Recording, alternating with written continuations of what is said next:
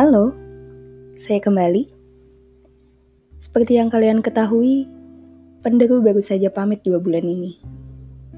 Banyak hal terjadi kepada Penderu dan saya sendiri.